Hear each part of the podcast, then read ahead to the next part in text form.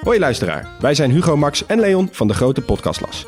Wij zijn drie geografen en elke week behandelen wij een ander land. We bespreken onder andere de geschiedenis, politiek, natuur, maar ook de sport, de muziek en natuurlijk het eten. De nijlpaarden van Pablo Escobar, de vele bunkers van Albanië en het verschil tussen een sheik en een emir zijn zomaar wat voorbeelden die langskomen. Maar we bespreken ook de geopolitieke invloed van China in Afrika en de impact van het Europese kolonialisme. Luister dus wekelijks naar de audioversie van de Atlas, de Grote Podcastlas. Dit is een serie over voeding en Ari's gast vandaag is Noor Struik. Voedingswetenschapper en oprichter van The Nourishing State. En in deze aflevering gaan ze het hebben over koolhydraten en keto.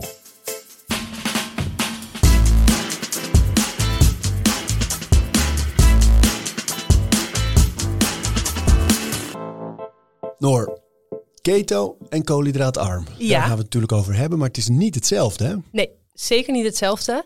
Wel een veelgemaakte fout dat mensen denken: oh, ik eet keto en eigenlijk is het koolhydraatarm. Ehm, wil je dat ik er meteen in ja, duik? laat, laten meteen... we gewoon meteen hè, Ja, barsten. Want laten we beginnen met koolhydraatarm en dat gewoon Ja. eens even lekker af gaan pellen wat het dan precies is. En daarna Ja. over keto, ketogeen. Ehm, dat we het precies, precies hetzelfde eigenlijk gaan doen. Dan hebben we ze goed door allebei. Ja. En dan zou ik ook nog graag van je horen als mensen denken van nou, ik wil zelf stappen zetten in die richting. Hoe doe je dat? Of hoe heb jij dat zelf gedaan? Ja, nee, top.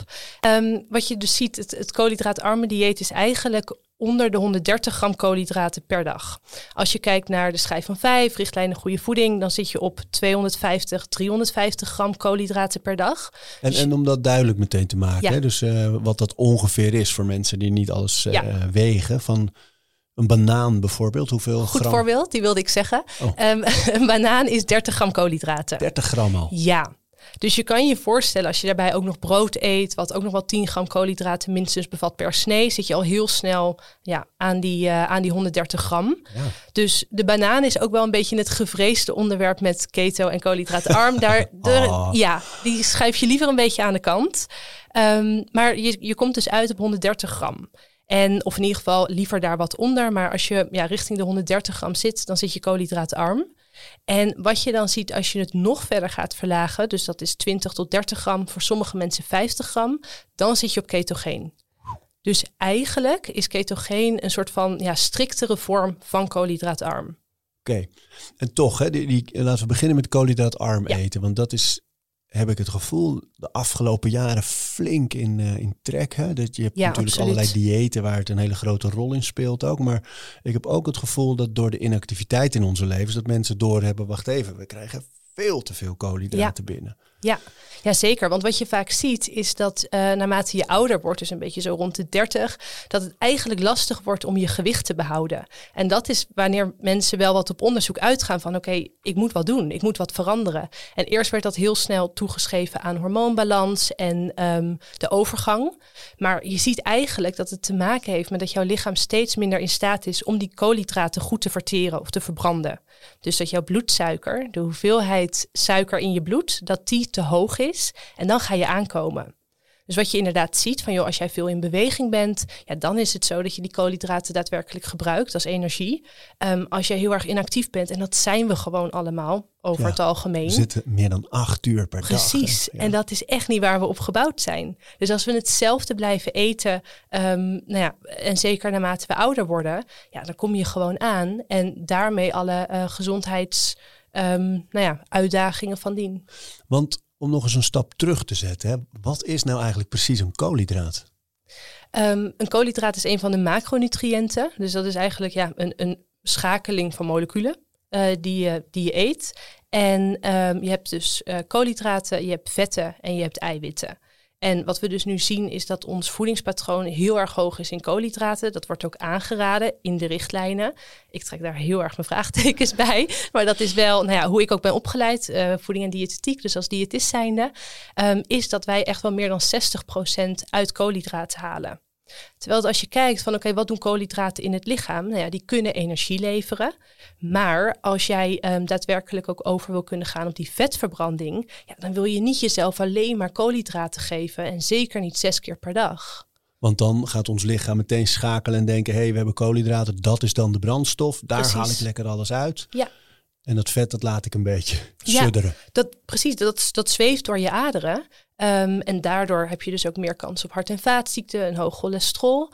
Maar wat je, en dus ook overgewicht. Maar wat dus inderdaad het verhaal is, als jij niet op die, ehm, op die of als je constant op die koolhydraatverbranding zit, dan ga je niet meer zo snel op die vetverbranding zitten. Dus dat is ook die metabolische flexibiliteit die jou even aanhaalde. Of nou ja, bij, in mij. ja, in ons appjes. Precies, nog niet in de podcast. Die nu denkt, hè, wat heb ik dat dan gemist net? Nee, wij waren aan het appen van waar, waar, waar, zullen we het allemaal over hebben? Wat willen we in ieder geval? En toen zei ik, oh ja, die metabolische flexibiliteit. Want daar hoor ik jou zelf in jouw eigen podcast, mm die helemaal gaat over koolhydraatarm leven. Ehm, vaak over. Dus dat wil ik straks ook even mhm. rustig afpellen met je. Maar even terug naar wat de koolhydraat precies is en wat hij doet. In het verlengde daarvan is altijd de vraag van bij koolhydraten denken we heel snel aan brood, aardappelen, pasta, rijst en die dingen. Maar koolhydraten zitten ook in groenten. Ja. Wat, is nou precies het verschil tussen die soorten koolhydraten? Nou kijk, het is sowieso belangrijk in welke bron jij je koolhydraten eet. Dus wat je ziet als jij witte pasta eet, witte rijst, ehm, dan, dan zitten er weinig vezels bij. Dus dan heb je eigenlijk die koolhydraten heel erg los. Dus dan schiet die bloedsuiker, dus de hoeveelheid suiker die jij in je bloed hebt, die schiet heel erg omhoog. Terwijl dat je ziet dat als er vezels bij zitten, dan wordt het al wat meer gedempt. Dus dat is ook eigenlijk een beetje, dat is nog de eerste stap bij suikervrij. Dan ben je meer bezig dat je het suiker laat staan, dat je, eh, nou ja, koek, snoep, dat soort dingen laat staan. En dat je vaak ook de switch maakt van witte graanproducten naar volkoren en uh, vezelrijke graanproducten. Dus als mensen een suikervrij dieet volgen, dan, dan zijn dat de stappen eigenlijk. En jij zegt dat suikervrije dieet, dat zit bij veel mensen eerst. Nog een stapje verder is koolhydraatarm. Nog een stapje verder is keto. Precies, want wat je dus doet met koolhydraatarm is dat je ook gaat kijken naar die vezelrijke producten. Kijk, ondanks dat die piek in je bloedsuiker kleiner is, hij is er wel. En om even toe te lichten waarom ik nou steeds over die bloedsuiker heb. Kijk, als jouw bloedsuiker hoog is, dan gaat jouw lichaam insuline aanmaken. Dat is een hormoon en die kun je eigenlijk zien als een soort van sleutel die jouw cel opendraait. Ervoor zorgt dat die koolhydraten, die glucose in de cel komt, daar energie geeft. Want dat is wat je wil. Je wilt een stabiel bloedsuiker. Als je bloedsuiker hoog is, dan is dat weer een risicofactor voor ontstekingen. Ontstekingen is weer een risicofactor voor diabetes, overgewicht, hart- en vaatziekten, eigenlijk alles waarmee we te maken hebben. Dus je wilt er zeker van zijn dat die sleutel, dat dat goed gaat, dat die goed die cel kan openen. Maar wat je ziet als jij heel veel koolhydraten eet, dan gaat die sleutel eigenlijk steeds minder goed passen. Dus jouw lichaam gaat nog meer van die sleutels maken, gaat nog meer insuline maken, maar die, die sleutel ja, die past gewoon niet goed. Dus de koolhydraten, de glucose, kan niet meer goed de cel in. Dus wat je dan ziet is dat je een hoge bloedsuiker krijgt. Je lichaam blijft maar insuline maken. En als jouw insuline hoog is, jouw insulinespiegel, wordt vetverbranding stopgezet. Dus dat is ook wat je ziet als mensen dus te veel koolhydraten eten en hun lichaam daar niet meer goed op kan reageren. De, de vetverbranding stopt. Dus je komt aan, dus je hebt een grotere kans op hart- en vaatziekten, op diabetes. En ja, allemaal dat soort ehm, gevolgen. Kun je eigenlijk voelen of je bloedsuikerspiegel uh, hoog is? Ja, of in ieder geval je kan goed de schommelingen voelen. Dus als mensen tegen mij zeggen, joh, ik eet zes keer per dag, ik heb dat nodig, ik heb die vier uur dip, ja, dan heb jij gewoon een grote schommeling in je bloedsuiker. Want dat is wat je voelt. Weet je, het is daadwerkelijk die bloedsuiker die omhoog gaat nadat jij koolhydraatrijk hebt gegeten. Als die naar beneden gaat, dan voel jij je trillerig, dan heb je eten nodig. Dus dat is eigenlijk al een hele duidelijke indicatie dat je wat aan je, aan je koolhydraatinname moet doen. Dus dat je na koolhydraten eten, na de lunch of wat dan ook, heb je even die energie. En dan die, die dip, dus die low energy en dat, dat bibberige wat sommige mensen dan hebben. Dat is eigenlijk dat je denkt, oké, nu is die te laag dan. Nou, niet per se te laag, want het is meer um, dat, dat je voelt dat die gaat dalen. Dus hij, hij is gepiekt, hij is hoog en dat is vaak dan een uur ongeveer na je maaltijd. Dus dat is inderdaad het moment dat je denkt, joh, lekker energie. Um, maar dan keldert hij eigenlijk heel erg snel naar beneden. Het hoeft niet eens te zijn dat hij veel te laag komt, want daar zijn mensen bang voor. Van ja, heb ik dan niet een te lage bloedsuiker? Nee, het is veel meer dat jij merkt dat je eigenlijk in een soort van energieachtbaan zit en constant op en neer gaat gedurende de dag. Zo, ja, dat is het natuurlijk. Hè? Die pieken en die dalen. Ja, ja, en die wil je voorkomen. Dus daarom wil je ervoor zorgen dat je je bloedsuiker stabiel houdt. Dat je dus rekening houdt met je koolhydraatinname. En kijk, dat, dat is voor iedereen anders. Dus het is niet zo dat ik zoiets heb van... oh, iedereen moet op 20, 30 gram koolhydraten per dag zitten. Ik ben sowieso echt anti-tellen, tracken, wegen. Ik geloof daar helemaal niet in. Waarom niet? Nou ja, omdat ik denk dat je een hele grote hyperfocus krijgt. En uh, als ik kijk hoeveel mensen verstoord eetgedrag... of zelfs een eetstoornis overhouden aan tracken, ja, dat, dat is echt een hele hoop. Vorm van controle, hè? Ja, ja, het wordt een externe factor die jou moet gaan vertellen dat je het goed doet. Ja, en het haalt ook zo de beleving van eten weg. Hè? Het proeven, en het smaken en het genieten. Ja, en hoe voelt het daadwerkelijk? Weet je, ben je verzadigd? Of gaat een app jou vertellen dat je nu genoeg calorieën binnen hebt? Ja, maar dat is wel wat er gebeurt. Ja, dus het, en dat, dat is ook waar ik altijd op aanstuur. Weet je, ga weer voelen. Ga weer ervaren van oké, hoe voelt de maaltijd daadwerkelijk? Wat voel ik dat er gebeurt met mijn bloedsuiker? Kun je dat eens uh, aan de hand van een voorbeeld inzichtelijk maken? Wat ik dan stel, ik heb gegeten ja. en, en, hoe, hoe voel je dan? Ja, nou, uh, om mezelf even als voorbeeld te nemen. Ja. Um, ik wil zeggen vroeger, maar dat is nou ja, zes jaar geleden. Ik volgde helemaal de schijf van vijf, want dat is hoe ik was opgeleid. Um, dus wat ik ochtends ontbeet was um, sojamelk met, um, met oats, dus haver, havermout, uh, met een banaan. Nou, ik merkte dan dus een uur daarna, oké, ik zit lekker in mijn energie, gaat helemaal goed. Maar eigenlijk na anderhalf uur had ik gewoon alweer trek. En nu denk ik, ja Noor, niet gek. 100% koolhydraten, een hele hoop, nul vet nul eiwitten. Tuurlijk ga je weer trek krijgen. Terwijl dat als ik nu um, een omelet ochtends eet, ja, daar kan ik prima uh, vijf uur opteren. En hoe komt dat? Omdat je dan daadwerkelijk vetten toevoegt. Dus die vetten zorgen ervoor dat jouw bloedsuiker stabiel blijft. Dat is ook vaak wat ik aanraad als je wel wat koolhydraten eet. Want kijk, het is niet zo dat je geen koolhydraten mag eten. Maar dat je je wel bewust bent van oké, wat bevat te veel koolhydraten? Dus pasta, rijst, aardappelen, daar zou ik echt heel zuinig mee zijn. Of skippen, een beetje afhankelijk van je situatie. Ik eet ze niet. Um, nou ja, bij uitzondering, maar echt hele grote uitzonderingen. Um, of heel af en toe. Maar um, dus de, de vetcomponent, als je die daarbij koppelt, bij die koolhydraten, dan werkt die eigenlijk een beetje uitbalancerend. Dus wat je dan ziet is dat de piek in je bloedsuiker, dat die veel meer naar beneden wordt getrokken. En ook wat, ja, wat stabieler is. Dus die bloedsuiker. Vet heb je gewoon nodig bij het eten. Vet dus. heb je absoluut nodig. En om ervoor te zorgen dat, jou, uh, dat je bloedsuiker stabiel blijft. Dus dat je ook in die vetverbranding blijft. Want dat is wat we willen. Dat is ook gewoon onze staat van zijn. Um, en anderzijds ook, je hebt ook je vet, vetoplosbare vitamines. Je hebt je omega-3 voor je hersenen. Dus het, de hele vetangst die wij tegenwoordig hebben, ja, is super onterecht. Want leg die eens verder uit. Dat, dat, die, die werd altijd een beetje gesymboliseerd in dat alles uh, margarine, uh, oh. uh, light, ja. mager en dat soort dingen. En, en eigenlijk de, de, de theorie, de goede weg is volle kwark, Absoluut. roomboter, ja. echte producten met lekker veel vet. Ja, precies. Dus ook weer die echte producten. Want dat is het natuurlijk ook. Als jij kijkt naar een margarine of naar een zonnebloemolie, ja, dat is super bewerkt. Hoe kan dat nou gezonder zijn dan roomboter? Of dan dat je bijvoorbeeld ghee neemt, geklaarde boter. Of dat je een volle Griekse yoghurt neemt. Daar, daar zit daadwerkelijk alles in. En wij zijn met onze industrie dat allemaal maar een beetje eruit gaan halen. En, dat, en waarom? Dat, nou ja, dat is gebaseerd op een onderzoek wat ze een, tijd geleden hebben gedaan, waarin ze eigenlijk hebben nou ja, onderzocht van oké, wat zorgt er nou voor dat we een groter risico hebben op een hoog cholesterol en op hart- en vaatziekten. Nou, daar zijn ze dus uitgekomen van oké, dat is vet, dus we moeten vet demonizen, vet is slecht. Wat nu blijkt is dat de industrie, ik denk een soort van Kellogg's of zo, ik weet het niet precies, die, uh, dat, die onderzoekers heeft omgekocht. En dat het suiker bleek te zijn. Dus oprecht alles waar onze, um, waar onze richtlijnen op zijn gebaseerd, dat klopt gewoon niet.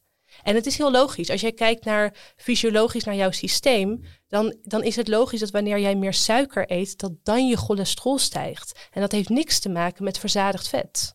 Interessant. Hè? Je hebt het hele mooie boek van Lisbeth van Rossum en Mariette Boon. Uh, vet belangrijk. Ja. Gaat ook als vet als orgaan, maar daar staan ook die verschillende soorten. En waarom het toch belangrijk is om het te hebben en ja, te eten. Vooral ook ja. voor al die functies.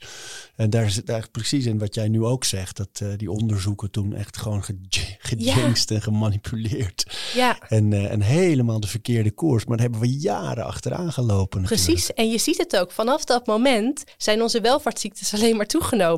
En we volgen meer dan ooit de richtlijnen. En toch zijn we verder van huis dan dat we ooit geweest zijn. Ja, dat, dat kan geen toeval zijn. En kun je uitleggen eh, waarom wij, wat er precies gebeurt met dat vet dat we eten? Ja. Kijk, als jij meer vet gaat eten, dan ga je vet gebruiken als brandstof. Dus je hebt eigenlijk, dat is dus die metabolische flexibiliteit. Je kan zelf kiezen wat jouw brandstof is, waar je lichaam op gaat lopen. Dat kan op koolhydraten zijn. Wat je dan merkt, is dat je dus inderdaad die energiedips krijgt. Dat je meer kans hebt op overgewicht. Nou, en dus alle, alle ziektes die je kan noemde. Maar je kan er ook voor kiezen om op vet te gaan lopen. Dus dat vet je primaire energiebron wordt. En wat je dan ziet, is dat je lichaam uit dat vet, dus van je voeding, maar ook je lichaamsvet ketonen gaat maken. Dus daar komt ook meteen de naam vandaan. Keto-dieet, ketogeen, ketonen die je lichaam maakt. En wat zijn dat? Ja, dat is een, een, vorm van energie. Dus dat zijn eigenlijk ja, vetzuren. En het is een hele schone vorm van energie die ook veel makkelijker gebruikt kan worden door je hersenen. Dus wat je ziet, wat je ook heel vaak hoort als mensen keto gaan doen. Van, oh, ik ben opeens zo helder en ik kan me zo goed focussen en ik heb al die energie. En dat heeft er echt mee te maken omdat ketonen gewoon een hele pure vorm van brandstof zijn. En um, die goede vetten, hè, dat, dat echte vet dat we nodig hebben, waar zit dat allemaal in? Nou, je hebt dus enerzijds heb je de, uh, de omega-3 vetzuren. Dus dat zijn de visvetzuren. Zitten ook wel deels in vlees. Hangt er een beetje af van wat voor vlees je eet. Als jij goed biologisch grasgevoerd vlees eet, dan zie je dat die omega-3 hoger is dan de omega-6. Zal ik daar meteen wat over vertellen? Ja, ja. We nemen elk ja, okay. als je wil. Kom maar door. Je hebt dus de omega-3, omega-6 balans. En die is heel belangrijk bij, uh, bij ontstekingen. Dus wat je ziet, die omega-6, die heb je zeker nodig. Maar die kan wel ontstekingen triggeren als je die veel meer hebt dan dat je omega-3 hebt. Dus die balans is heel erg belangrijk. Nou, jaren geleden, toen we nog een stuk gezonder waren, zag je dat die ratio 1 op 1 was. Dus hadden we net zoveel omega-3 als dat we omega-6 hadden. Nou, als die een beetje verschuift, als jij vier keer zoveel omega-6 hebt als omega-3, kom je er ook nog wel mee weg. Maar wat we nu zien, is dat we bijna 16 of 18 keer zoveel omega-6 hebben als omega-3. En dan is het een probleem. En bedoel je dan in ons lichaam of in de voeding die we eten? In ons lichaam door de voeding die we eten. Want wij zijn afgestapt van, of nou ja, we eten veel minder uh, vis, veel minder schaal- en schelpdieren. De kwaliteit van ons vlees is echt achteruit gegaan. Zeker als je natuurlijk kijkt naar de bio-industrie en niet let op wat voor vlees je eet. Dan krijg je gewoon daarmee al veel minder omega-3 binnen. En we krijgen meer dan ooit omega-6 binnen door halvarine, margarine, zonnebloemolie, raapzaadolie. En dan kun je nog denken, hm, daar bak ik niet mee. Mocht je daar wel mee bakken, alsjeblieft verbrand het. Geef het niet eens weg. Het is echt, echt verschrikkelijk. Maar wat je ook ziet, als je dat dus al niet meer gebruikt om in te bakken, het is overal aan toegevoegd. Want het is goedkoop. Ja, echt. Je ziet het bijvoorbeeld vaak uh, in die, van die proteïnerepen en zo. Ja. En oh. Laatst was nu, nu, natuurlijk door die oorlog uh, Oekraïne-Rusland dat je uh, waar zonnebloemolie allemaal in zit, zie je van die lijstjes in de kranten staan. Ja. Dat is niet normaal, joh. Nee. In zoveel bewerkte voedingsproducten. Absoluut. Wat trouwens ook echt waar het in zit, wat niemand zich realiseert, de barista varianten van de, uh, van de plantaardige melk. Oh ja? Ja. Dus je hebt Oatly uh, barista, niet doen. Je hebt Oatly bio, top. Dus dat is echt, ja. Want... Havermelk elite ja. gaat, gaat eraan in Amsterdam. Nee, weet je, dus daarom dacht ik, ik zeg het ook. um, kijk, die bio is prima, want daar zit letterlijk haver in, uh, melk uh, of haver, water en zout. That's it. Maar wat die barista variant wil, die wil zo'n soort van, zo, ja, zo'n zo mooi laagje. Ja. ja, dat wordt gedaan met zonnebloemolie. Oh man. Ja, dus als ik uh, nou ja, ergens een koffie haal, dan weet ik dat ze barista hebben. Dan kies ik voor gewone melk. Hoe noem je die eigenlijk, gewone melk nog? Zeg je dan gewone melk? Ja, ik noem het gewone melk. Ik betrap mezelf erop de laatste tijd dat ik dan in restaurants uh, als ik voor anderen bestel bijvoorbeeld, ja, uh, twee cappuccino met koemelk, ja. eentje met haver, eentje met amandel, eentje ja. met kokos. Ja, er is een heel scala aan opties. Nou, kokosmelk, dat is eigenlijk mijn favoriet, maar ja? dan weer niet de barista variant. Want die heeft, nou ja, dus en die zonnebloemolie vaak, suiker is er vaak aan toegevoegd. Het bevat 2% kokos. Dus durf je zo ver te gaan dat je zegt, je moet gewoon bij geen enkel melkalternatief die barista variant kiezen? Ja, 100%. Zo joh. Ja. En, en vertel dan eens waarom die omega-6 zo riskant is voor ons of zo dom? Ja, nou ja, dat heeft dus te maken met die balans. Dus als jij ziet dat, je, dat we zoveel meer omega-6 binnenkrijgen, dan gaat die dus verschuiven. En dan triggert dat ja, chronische ontstekingen ah. of laaggradige ontstekingen noem je dat. En dat zorgt er weer voor dat jij minder gevoelig bent voor insuline. Dus dat die sleutel weer slechter past eigenlijk. Dat zorgt weer voor een hogere, ehm, voor een hogere bloedsuiker. Dat zorgt weer voor diabetes, hart- en vaatziekten. Maar weet je, hoe kan het dan dat je dan toch soms in, in, in, uh, in al die drogisterijen potten met omega-6 ziet? Omdat ze er geen verstand van hebben. ik, kan me, ja, ik kan me daar zo over verbazen. Want ik krijg ook cliënten die dan nou ja, vertellen wat ze slikken. En dan nemen ze omega-6. Ja, en dat is echt, nou ja, dat, dat hoef je in ieder geval niet te slikken. Daar krijgen we veel te veel van binnen. Kijk, als we, en ik wil niet zeggen dat we het niet nodig hebben. Hè. Er is een reden waarom we die balans hebben. Dus omega-6 is ook nodig. Maar als je kijkt wat wij tegenwoordig binnenkrijgen, om het dan te gaan suppleren, ja, dat is dweilen met de kraan open. Dat moet je echt niet doen. Verder over de koolhydraten. Hè? We hadden het eigenlijk over waar ze allemaal in zitten. Je noemde al, dat, al die, die, die witte dingen. Witte pasta, wit brood, witte rijst. Uh, daar zitten ze in, maar dat zijn niet uh, de beste. Nee, nee. Uh, en welke dingen zitten ze nog meer? Als je gewoon eens even naar een Ja. redelijk normaal dieet kijkt van, Ja. van de Nederlanders. Nou, ook in fruit. Dat is een veelgemaakte fout die ik hoor. Dat ik mensen eh, nou ja, voorbij zie komen die zeggen van... oh ja, ik eet eh, koolhydraatarm of ik eet keto. En dan vraag ik, ja, wat eet je dan als ontbijt? Nou ja, banaan met mango. Ja, dan eet je niet koolhydraatarm. Nee? nee, want je, die, banaan zit al 30 gram in. eh, je Precies, al. dus dan- mango. Eh, nou ja, die mango zou ook nog wel 30 gram zitten. Een beetje afhankelijk van je portie. Maar dat, dan ben je al klaar voor de dag.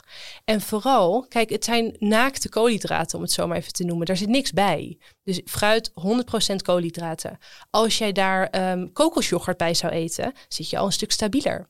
Want dan heb je dus weer dat vet om die koolhydraten uit te balanceren. Dus dan ga je al een stuk stabieler je dag door. Zit je ook gewoon beter qua je energie. En dus makkelijker in die vetverbranding. Dus vet is eigenlijk een soort eh, positief paard van Troje. Dat, Ja. we, dat we echt wel een beetje nodig hebben om, eh, om de boel naar binnen te krijgen en goed op te nemen. Ja, die, die vetangst is echt ontzettend onterecht. Daar moeten we echt vanaf. Ja. Ja. Dus ehm, fruit, groente zit het inderdaad ook in. Kijk, ik zeg altijd, het, het hangt wel weer van je situatie af. Er is geen one size fits all. Maar als jij gezond bent en als het gaat om een paar kilo... of je beter in je vel voelen, meer energie, die mentale scherpte... dan zou ik me vooral niet te druk maken om groentes. Dus er zijn wel mensen, de echte, nou ja, de ketopolitie... die maakt zich druk om pompoen. Ik denk dan, ja, is dat nodig? Nee, in de meeste gevallen niet. Kijk, misschien als jij ehm diabetes type... politievarianten van elke richting zijn, zijn natuurlijk verschrikkelijk. altijd vervelend. ja. ja. Maar die heb je wel en die heb je binnen keto ook ontzettend veel. Die dan echt kunnen commenten van, banaan? Nou ja, ik eet geen banaan. Ik vind banaan niet zo heel erg lekker. Maar ik eet wel pompoen en ik eet ook eh, rode eh, bieten bijvoorbeeld. Ja, die zijn wel wat hoger in koolhydraten. Maar als jij ervoor zorgt dat je daar, dat je die bijvoorbeeld bakt met olijfolie en daar wat geitenkaas op doet, ja, dan ben je oké. want dan voeg je daar weer de vetten aan toe. Je noemt al pompoen, je noemt bieten. Ehm, zit in alle groente koolhydraten? Ja, maar je kan eigenlijk zeggen, sowieso in alle, in alle groentes, ehm, de groene groentes, die zijn het laagst in koolhydraten. Ja. Spinazie, broccoli. Ja, bloemkool is alle ook laag. Ja, ja, die zijn allemaal laag. Maar wat ik zeg, weet je, in de meeste gevallen hoef je echt geen zorgen te maken over de groentes. Dus het is vooral het fruit. Dat is echt wat ik, wat ik zie, dat als mensen suikervrij gaan eten, dat ze dan denken, oh, dan ga ik helemaal los op het fruit. Ja, kan je doen, maar dat, dat gaat niet het effect geven wat je wil. Want dat zie je dus ook wel, dat mensen suikervrij gaan eten en aankomen. Ja, is niet gek als jij heel veel fruit gaat eten. Want dat is een, ehm, nee, ik merk dat daar wel een beetje een... eh, ehm, wat onduidelijkheid over bestaat. Dat eh, we denken van, oh ja, maar dat is fruit, dat is suiker uit, of dat is fruit, dat is suiker uit fruit. Maar jouw lichaam denkt niet, oh ja, dit kwam uit fruit. Weet je, dat, dat wordt gewoon omgezet tot glucose en jouw bloedsuiker stijgt. Ja, dat is die theorie, dat, of die theorie, dat feit eigenlijk gewoon, dat het eh, voor je lichaam niet uitmaakt Nee. of het nou inderdaad een, een, lepel gewone Nee. suiker is of dat het uit een, eh, een glas jus komt. Precies. Jus d'orange en alle sappen is ook zo'n voorbeeld. Dat is gewoon echt suikerwater wat je aan het drinken bent. Dus laat me dat alvast als eerste tip geven. Ga, eh, stop met sappen. Dat is echt niet slim om te doen. Groentesappen wel, Mm. ook ja. Oké. Twijfel Zit ik stevig in de school. En dat glas jus, is dat alleen als het uit een pak komt of ook als je gewoon je, je sinaasappeltje snijdt en er lekker zelf Ja, perst? Ook als je hem zelf perst. Want wat je ziet, wat hou jij over? Dat, dat is de schil met al die vliesjes. Die vliesjes zijn dan weer je vezels. Dus dat is dan weer bij de eerste stap, nog voor het koolhydraatarme. Dat die vezels er in ieder geval voor zorgen dat jij je, je bloedsuiker wat dempt. Ehm, dus die haal je er nog eens uit. Dus je, ja, eigenlijk is het gewoon suikerwater. Dus fruit altijd gewoon heel eten. En als je koolhydraatarm of suikervrij of keto wil eten, zijn er ook nog bepaalde soorten fruit die je gewoon helemaal beter kan vermijden? Ik zou zeggen het, het tropische fruit, dus banaan, mango, papaya, meloen, zou ik echt heel matig mee zijn. Maar weet je, dat, dat hangt ook weer van je situatie af. Is het nodig om zo streng te zijn? Maar wat je ziet, zeker als jij in de beginfase zit en dus in die ketose, in die vetverbranding wil komen, dan zou ik dat echt even laten voor wat het is. Dus laten we zeggen de eerste drie, vier weken. Ehm, en dan kun je op een later moment natuurlijk altijd kijken van, joh, neem ik een keer een uh, banaan. Maar neem die banaan niet los. Dus zorg ervoor dat je er bijvoorbeeld iets van kokosjoghurt of iets van Griekse yoghurt bij neemt. Dat je wel goed die vetcomponenten erbij neemt. banaan heeft echt een positie verworven. Hè? Ik denk steeds aan dat liedje banaan, banaan. Ken je dat? Ik ken dit liedje niet. Als een wedstrijd voor groente zou zijn. Nee, geen idee. Oh nee. man, dan mijn kinderen zingen het de hele dag. Maar ook omdat de banaan is ook dat die go-to voor mensen als ze zich even inderdaad in die dip voelen. Maar dat is dus vanwege die suikers waarschijnlijk Precies, dus eigenlijk wat je ermee doet, werkt het averechts. Want jij hebt, uh, je zit in die dip doordat je al een suikerpiek hebt gehad. Neem je een banaan, zit je in je tweede suikerpiek. En zit je weer in je tweede dal. En ik vraag me dan wel af, hè, als, als je dus als je daarvoor kiest, ja. koolhydraatarm, keto, suikervrij, Um, en je vermijdt die bepaalde soorten fruit. Kom je dan nog aan die diversiteit die altijd genoemd wordt als belangrijk? Dat je gewoon zo lekker veel afwisselt. Ja, nou ja, kijk, weet je, je kan sowieso um, bessen nemen. Dus je kan nou ja, eigenlijk gewoon alle bosvruchten nemen. Uh, je kan aardbeien nemen. Um, af en toe een, hoe noem je dat? Een uh, kiwi is bijvoorbeeld ook oké. Of een keer een pruim. Kijk, die zijn allemaal wel net iets hoger. Maar zeker als je dat dus weer met die vetcomponent doet, is dat oké. maar wat je ook ziet, is dat jouw opname van voedingsstoffen veel groter is als je koolhydraatarm eet. Dus ik krijg ook wel cliënten die zich dan zorgen maken van, oh, maar eet ik dan nog wel, krijg ik nog genoeg uh, vitamine C bijvoorbeeld binnen? Terwijl dat wat je ziet, als jouw koolhydraatinname is, dan is de opname veel optimaler. Dus hoef je je ook wat minder zorgen te maken om de... Uh, Op vet. Toch? Hm? Op vet is die, uh, is die opname beter. Ja, maar dat zijn de vetoplosbare vitamines. Dus dat is vitamine A, D, E en K. Vitamine C is wateroplosbaar, dus dat, dat maakt verder niet zoveel of dat heeft er weinig mee te maken. Maar het is vooral dat koolhydraten eigenlijk heel belastend zijn op je systeem.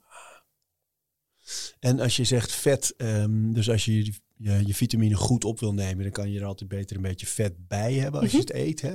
En je noemde net kokosjoghurt. Zijn er andere dingen die we dan erbij kunnen doen om te zorgen dat we die vitamine goed opnemen aan vet? Ja, um, nou wat je sowieso zou kunnen doen is natuurlijk met het bakken en bereiden dat je roomboter gebruikt, dat je ghee gebruikt, je kan kokosolie gebruiken, uh, je kan um, nou ja, vet uit van dierlijke producten gebruiken, dus dat noem je volgens mij lard, dat je van een, uh, van een varken. Ik weet dat de meeste mensen daar waarschijnlijk van gruwelen, maar dat, het is vrij smakeloos en het is wel, het, is een verzadigde uh, bron van vet. Dat was volgens mij ook nog een vraag van oké, okay, hoe zit het dan met die vetten?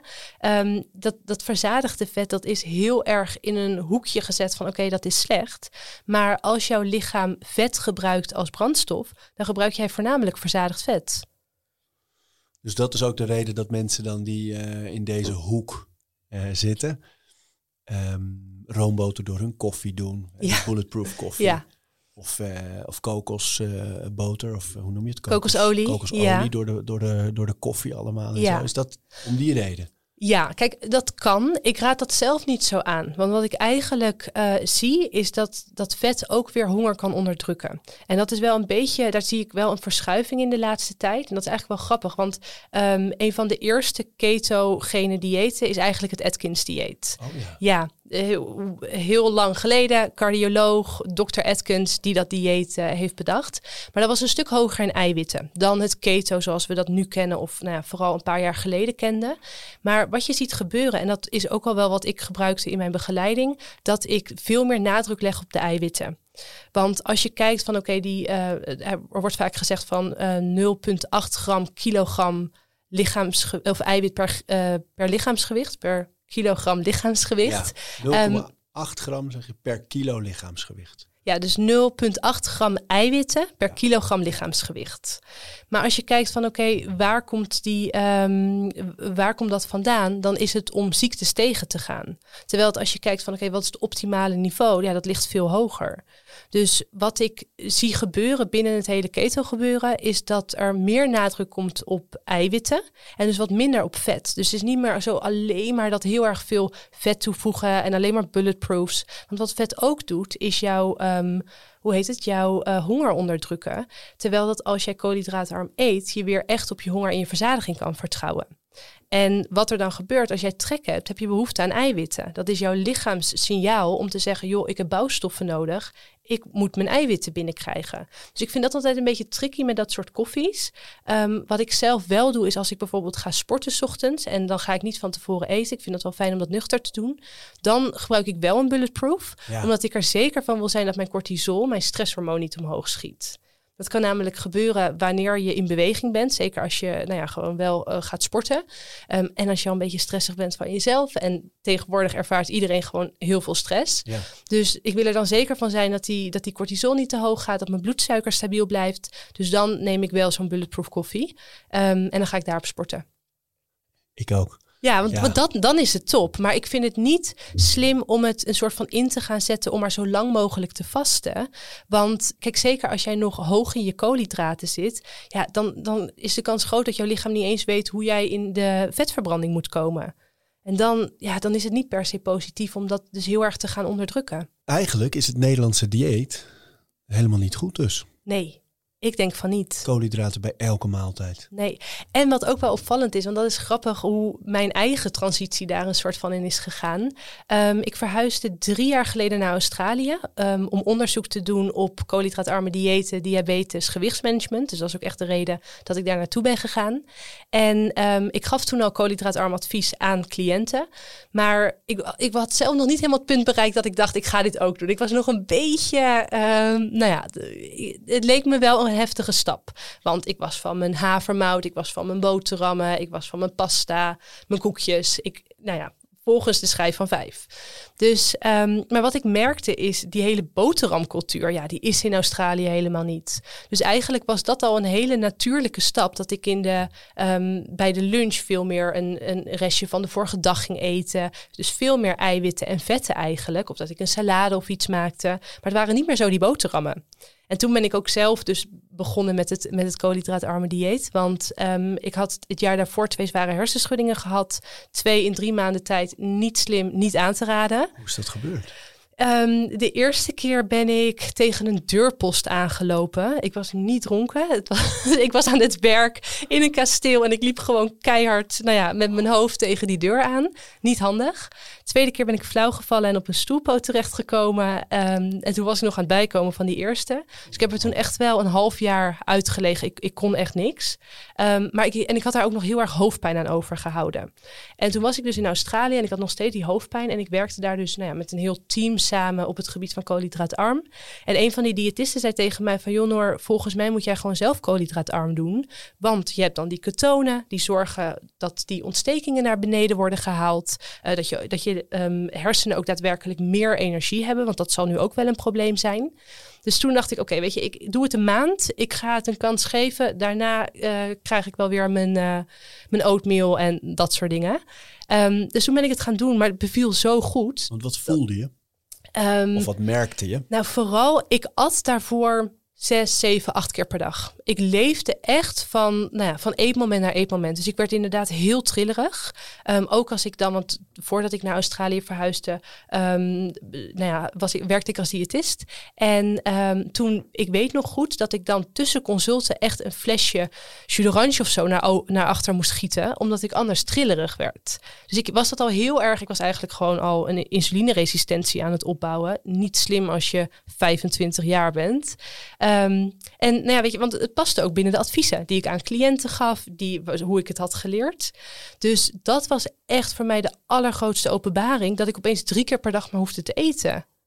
En dat is ook gewoon qua headspace is het zo fijn om niet zo met eten bezig te zijn. En ook dat je gewoon merkt dat, nou ja, dat, ik, dat ik veel stabieler in mijn energie zat. Dat ik niet meer last had van een opgeblazen buik. Eigenlijk ook symptomen die ik niet eens zo heel erg realiseerde dat ik me slecht voelde.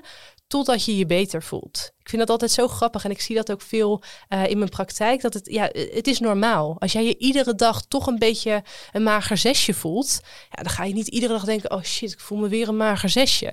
Terwijl dat als je dan merkt en je maakt veranderingen van: oké, ik kan me ook een acht voelen, ja, dan gaat er wel een wereld voor je open. Ja, dat is het. Hè? Mensen realiseren zich helemaal niet hoe ver je nog, hoeveel er nog haalbaar is en hoeveel je in positieve zin kunt veranderen zelf. Ja, zeker. En die hoofdpijnen?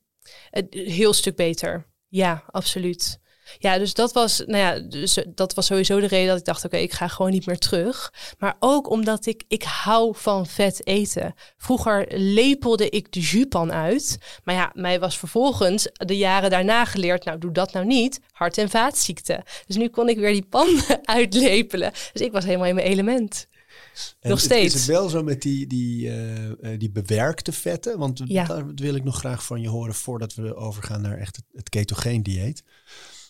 Het verschil tussen al die verschillende soorten vetten. Je had het al over omega-3 en omega-6, maar je hoort ook altijd over je hebt goede vetten en je hebt slechte vetten. Ja. Bewerkt en onbewerkt is dan heel snel de conclusie. Maar hoe zit het nou?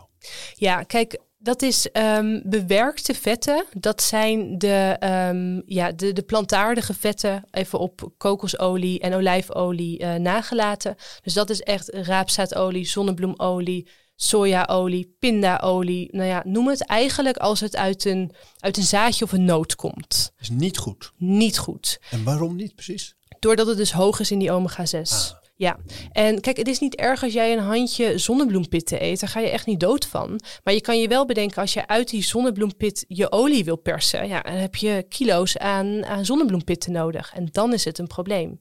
En dat is natuurlijk ook, kijk, de natuur is niet dom. Dus als jij een handje zonnebloempitten eet, prima. Maar wij hebben bedacht, joh, daar gaan we olie uit persen. Ja, dan is het niet gezond. Dus dat is sowieso het, het eerste onderscheid om te maken van oké, die bewerkte olie, je haalt die eruit. En waarom is dan een olijfolie wel goed? Omdat die hoog is in omega-3. Dus dat, dat is gewoon een hele andere samenstelling. Dus wordt natuurlijk niet zozeer ermee te maken altijd dat je kan zeggen... nee, als het ergens uit is geperst, is het niet goed. Nee, dat heeft ook nog te maken met die verhouding omega-3, omega-6. Nou ja, vooral waar wordt het uitgeperst? Kijk, als het uit een olijf wordt geperst... ja, die heeft niet dezelfde samenstelling als uh, een, een pinda. Nee. Dus dat is, dat is het grote verschil. En het, dat is ook met kokos. Kokos die is wel hoog juist in verzadigd vet, maar dat is dan weer het MCT-vet. Ja, medium chain triglyceride. Ja, en nou ja, terecht. Weet je, MCT is top. Want als je kijkt naar MCT, um, ehm, die wordt niet opgenomen door je darmen, als ik het goed zeg, ja. Dus die wordt meteen door je lever gebruikt als energie en wordt dus meteen omgezet tot die ketonen. Dus als ik mijn bulletproof maak, dan is het met MCT. Ja.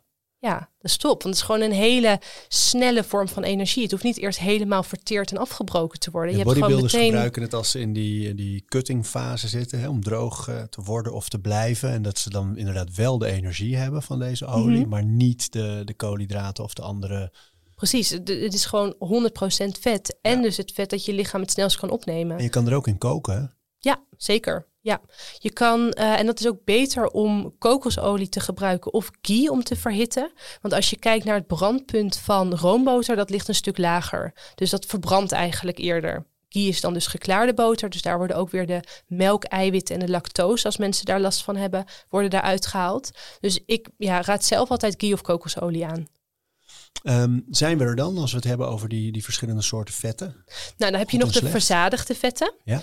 Um, als je kijkt naar de verzadigde vetten uit um, echte voeding, dus bijvoorbeeld uit pure chocola, uit vlees, Um, wat hebben we nog meer? Nou ja, dus boter inderdaad. Dan werd daarvan heel lang gezegd van oké, dat zorgt ervoor dat jij meer kans hebt op een hoog cholesterol en op hart- en vaatziekten. Maar het probleem daarin is dat dat alleen zo is als jij veel koolhydraten eet. Dus patat, hele slechte combinatie. Ik hou van patat, dat is oprecht mijn lievelingseten. Maar het is een hele vervelende combinatie, want je hebt veel vet en veel koolhydraten. Als jij jouw lichaam de keus geeft en je eet beide, ga je eerst koolhydraten verbranden, dan pas vet. Dus wat gebeurt er? Dat vet, vet blijft een beetje rondzweven in je aderen. Ja, dan verhoogt dat je cholesterol. Maar als jij puur alleen dat vet eet, dat verzadigd vet, dan verbrand je dat. Dan is dat jouw energiebron en dan is er helemaal niks aan de hand. Zijn mooie inzichten. ja, en nou ja, vooral, want dat is ook wel, uh, dat, dat vind ik zelf heel interessant, dat het zo, het staat haaks op alles wat ik geleerd heb. En op alles wat wij weer als diëtist zijnde aan cliënten leren. Ja, even, want als jij zegt je, uh, wat je geleerd hebt, ik bedoel, je hebt flink wat studies afgerond in deze hoek, tot en met aan de Universiteit van Wageningen aan toe. Dus dat is een mooi niveau. Ja, en zelfs daar is het dus onvoldoende doorgedrongen. Ja, absoluut. Ja, en wat voor mij eigenlijk de hele katalysator van dit, van, dit um, nou, van, van keto en van koolhydraatarm was, is het moment dat ik cliënten ging begeleiden, deed wat me verteld was en we geen resultaten zagen. Zeker mensen met prediabetes of met diabetes, die ik ging vertellen, joh, zes keer per dag, even wat meer fruit tussendoor. Ze kwamen aan, bloedsuiker stegen dat is wel het moment dat ik ben gaan kijken van oké, hoe komt dat? Want we doen wat ik zou moeten doen.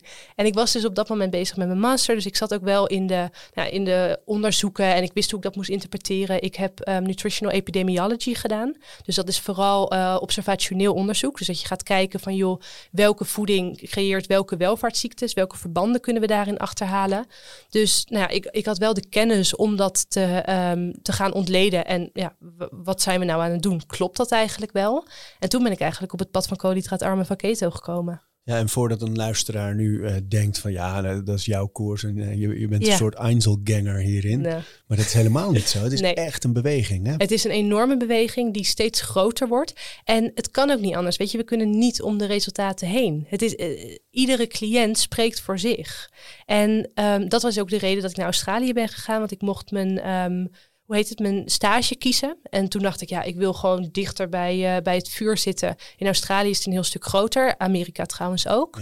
Ja. Um, en ja, dus daar leefde het al veel meer. En ik moet wel echt zeggen, want ik ben nu twee jaar weer terug, ja. Het, het, het, wordt met de dag meer. Ik zie dat er echt veel meer aandacht voor komt. Dat het ook steeds duidelijker wordt van, joh, hoe doe ik het nou? Want dat is ook nog wel een grote fout. Dat, dat mensen denken, oh ja, maar dan verlaag ik mijn koolhydraten en dan is alles oké. Maar je wil ook kijken naar die vetten. Je wil ook rekening houden met een ontstekingsverlagend voedingspatroon. Ja, voor de duidelijkheid, het is niet zo dat je denkt van, oh, ik wil afvallen, ik schrap alles uh, waar granen in zitten, geen pasta, geen brood, geen aardappelen. Je moet er goed over nadenken en eigenlijk echt wel even bij iemand aankloppen van, ja. wat heb ik nog allemaal nodig Precies. en wat mis ik bijvoorbeeld als ik ineens allemaal dingen ja, wegsnij want mijn dieet? Dat zie je van, oké, mensen die krijgen gewoon een soort van incompleet bord, die laten hun koolhydraten weg en veranderen verder niks. Maar je kiest welke vorm van energie jij gebruikt. Gebruik je vet, top, ga vet eten. Je kan niet, weet je, als jij eh, geen eh, benzine in je, in je auto stopt, kun je niet verwachten dat hij gaat rijden. Dus je mag je koolhydraten weghalen, juich ik alleen maar toe, maar ga wel ervoor iets voor in de plaats geven. En dat is ook wel wat ik vaak zie, dat de eiwitten, dat daar zo weinig aandacht aan wordt besteed, dat haaruitval, broze nagels, alleen maar trek, koud, ja, dat is gewoon een teken dat je een eiwittekort hebt. Veel te weinig proteïne. Ja, ja. ja. ja. Hey, en um, de gevleugelde opmerking. Ja, maar je hebt toch koolhydraten nodig? Nee. nee, want kijk, jouw, um, je hersenen hebben inderdaad uh, wel wat glucose nodig, maar dat maakt je lichaam zelf. Dus 75% of voor 75% kan je, kunnen je hersenen die ketonen gebruiken. Dus juist die, die schone energievorm, die er ook voor zorgen dat het, de stofwisseling in je hersenen eigenlijk alleen maar uh, vooruit gaat, dus ten goede komt. Um, er is wel een deel glucose nodig, maar dat maakt je lichaam zelf door gluconeogenese noem je dat, proces in je lichaam. Um, dus je, lichaam regelt dat zelf. Want als je ook kijkt, weet je, toen wij uh, jagers en verzamelaars waren, toen aten we ook niet uh, zes keer per dag koolhydraten. En toen konden we ook gewoon steady leven. Dus het is veel natuurlijker om weer over te gaan op die vetverbranding. En kijk, weet je, er mag af en toe echt wel een, een, een klein piekje in je bloedsuiker in zitten. Dat is oké. Maar niet dat je constant zo hoog zit. Want dan krijg je de situatie die we nu, nu hebben. Dat we gewoon ontzettend ongezond zijn. Veel meer eten dan we verbranden. Ja. Dan ja. we nodig hebben. En vooral ook de verkeerde brandstof verbranden. Weet je, dus alleen maar die koolhydraten verbranden. En dan kom jij niet meer over, of dan komt je lichaam niet meer toe aan die vetverbranding. Ketogeen. Ja. Je hebt al een beetje verteld wat die ketonen zijn, hè? Ja. dat we die uh, nodig hebben, dat dat ons ook die energie geeft. Um, ik hoor altijd die term, ik ben in ketose. Dat klinkt heel heftig. Omdat Ja. ik denk dan aan een soort medische toestand of drugs Nee. of wat dan ook. Dat, het klinkt heftiger dan het is. Ik denk dat mensen het ook wel een beetje eh, cool vinden om dat te zeggen of zo. Ben je in ketose, ja. Wat ze bedoelen, ik ben in vetverbranding. Zo simpel is het. Dat is- want dat is dus wat je zegt. Met die bulletproof koffie, als ik in de gym kom en ik heb nog niet gegeten en eh, ik zeg, eh, wil je bij mij een beetje kokosboter boter of olie door de koffie doen? En, en dan zeggen mijn collega's altijd achter die balies, ben je in ketose? Ja. nou, in dat geval kun je dus ja zeggen, want je bent in vetverbranding. Ja. Ja, dus dat is eigenlijk gewoon wat er, wat er mee bedoeld wordt. Kijk, als jij in vetverbranding bent, gaat je lichaam vetten gebruiken als energie. En dan maakt je lichaam ketonen aan als energiebron. Is, het is simpeler dan dat het lijkt. En wat is dan het verschil tussen koolhydraatarm eten nog en ketogeen? Ja, kijk, met koolhydraatarm hoeft het niet zo te zijn dat jij constant in die ketose, in die vetverbranding zit. Want ik zei al, van weet je, 130 gram is koolhydraatarm. Vind ik wel wat hoog. Ik zou meer ja, richting de 100 gaan. Niet tellen dus, maar dus veel meer je, je bord als uitgangspunt nemen. Proteïne, prioriteit, vetten toevoegen en een klein beetje koolhydraten. En dan even, want je zegt niet tellen. En hoe weet je dan? Kijk, jij weet precies, in een banaan zit 30 gram. In Nou, dit heel eerlijk, ik weet het dus niet zo goed. Ik heb echt eventjes voor deze podcast opgezocht hoeveel gram zit er ook alweer in een banaan. Oh, Dit was bij mijn opleiding wat ik er niet in kreeg. Ik, ik, ja, het lukte me niet om dat allemaal te hoe onthouden. weet jij dan als je gewoon naar je eigen dieet kijkt? Van ik wil dus ongeveer rond die 100 gram aan, aan koolhydraten zitten per dag. Ja, Hoe weet je dan ongeveer wat dat is? nou ja, ik zit zelf wel een stukje lager. Ik zit wel, Oh ja? ik zit wel keto, ja. Dus ik ben in ketose op dit moment, in mijn vetverbranding. En Ehm, het is, eh, hoe laat is het? Het is nu Ik half denk- één ongeveer. Ja, maar ik denk dat ik de hele dag wel ongeveer in, eh, in mijn vetverbranding zit. Ja, maar weet je, ja, dat, dat hoeft niet voor iedereen zo te zijn. Dus ehm, wat ik het makkelijkst vind en wat ik ook altijd aanraad, ga eens kijken van oké, wat zijn nou de grote koolhydraatbronnen in mijn dag, in mijn voedingspatroon. Dus inderdaad vaak brood, pasta, rijst, aardappelen. Als je dat weghaalt, ja, dan kom je al een heel eind. Dus dan zit je al eigenlijk heel snel onder die 100 gram. En dan is tellen dus niet per se nodig. Dus dan kijk je alleen nog welk type groente eet ik. En als je dan bijvoorbeeld, een, want ik weet dat in de keto-hoek eh, ook het stuk vlees eh, Ja, heel populair is. Hoeveel koolhydraten zit er nou in een goede lap vlees? nul. Helemaal geen koolhydraten? Niks. Kijk, als jij een, eh een schnitzel neemt met een paneerlaagje Ja. erop, zit er koolhydraat in. Vlees, nul. Vis, nul. Schouw- en schelpdieren, nul. Daarom zo populair in het ketogene dieet Ja. dus. Ja. En om te voorzien in je eiwitbehoeften. Want die is echt wel een stuk hoger dan dat we vaak denken. Zeker, en kijk, dat is natuurlijk ook weer de vraag van... oké, wil jij je gemiddeld voelen? Ga je voor een mager zesje of ga je voor een dikke acht? En dat, daar zit voor mij ook het verschil in met je eiwitinname. Ja, ga jij voor een mager zesje met 0,8 gram... of ga jij een stuk hoger zitten richting de anderhalf? Ja, dat is wat ik aanraad en wat ik zelf ook doe. Ja, en, en je hoort bij sporters zelfs vaak, eh, want ik, ik doe het ook wel eens met, met onderzoek en, de- en mijn vragen echt van als je tien trainingsmomenten in de week hebt, een actief leven, drie kinderen onder de zes, eh, alles op de fiets, Ja, eh, bijna 4000 calorieën per dag verbranden. Ehm, wat, heb ik no- wat heb ik nodig? En dan, dan hoor je toch wel vaak dat ze zeggen, nee, je moet wel een beetje koolhydraten eten, anders ga je je spieren verbranden. Nee. Nee? Nee, kijk, je moet, ehm, je, je moet sowieso genoeg energie binnenkrijgen. Maar je gaat niet je spieren verbranden als je te weinig koolhydraten eet. Je fronst Ik- bij ja, bijna ik ben- een beetje streng, kijk je me aan. Wat zeg je me nou toch? Ik ben, he- ik ben helemaal verbaasd over de vraag. Nee, dus je wil voldoende energie hebben, tuurlijk. Kijk, als jij te weinig Maar je ziet energie... het bijna als een belediging als iemand zegt... je hebt een beetje koolhydraten nodig. Ja, omdat het niet zo is. Het is er zo ingeprent, maar dat, dat Dus is het gaat dan niet vooral zo. om die proteïne. Want, want daar zit ik En je vet. bijna wel op drie, drie gram, denk ik ongeveer, Ja. eh, per kilo lichaamsgewicht. En ik weeg 102, 103.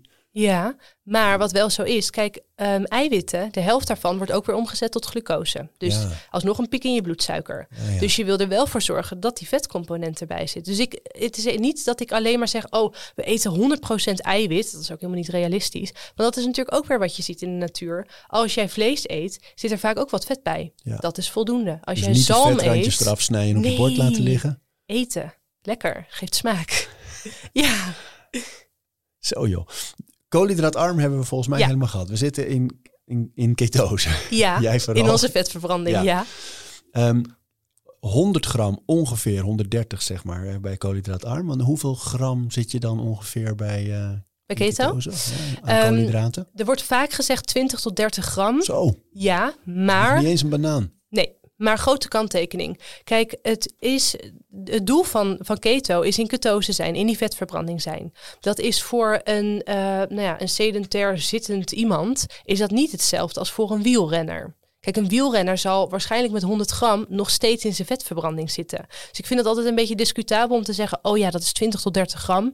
Maar als je kijkt naar de gemiddelde Nederlander die niet zoveel doet, dan ga je wel richting de 20, 30 gram om er zeker van te zijn dat je in die vetverbranding zit. Maar ook daarbij weer, kijk, je, kun, je kan dat ook trainen. En dat is die metabolische flexibiliteit. Kijk, jouw lichaam die kan en koolhydraten verbranden en vetten verbranden. En het is niet erg als jouw lichaam af en toe koolhydraten verbrandt. Dat is prima. Dat is ook waarom ik denk, niet iedereen hoeft 24-7 uh, eh, keto te doen. Absoluut niet. Maar je wilt wel dat je lichaam die flexibiliteit behoudt. Dus dat het en koolhydraten ja, ja door, dat het en koolhydraten kan verbranden en dat het vetten kan verbranden. En met flexibiliteit bedoel je dus dan inderdaad dat, dat het in staat is dat allebei te doen zonder afhankelijk te worden van een of ander. Precies, ja.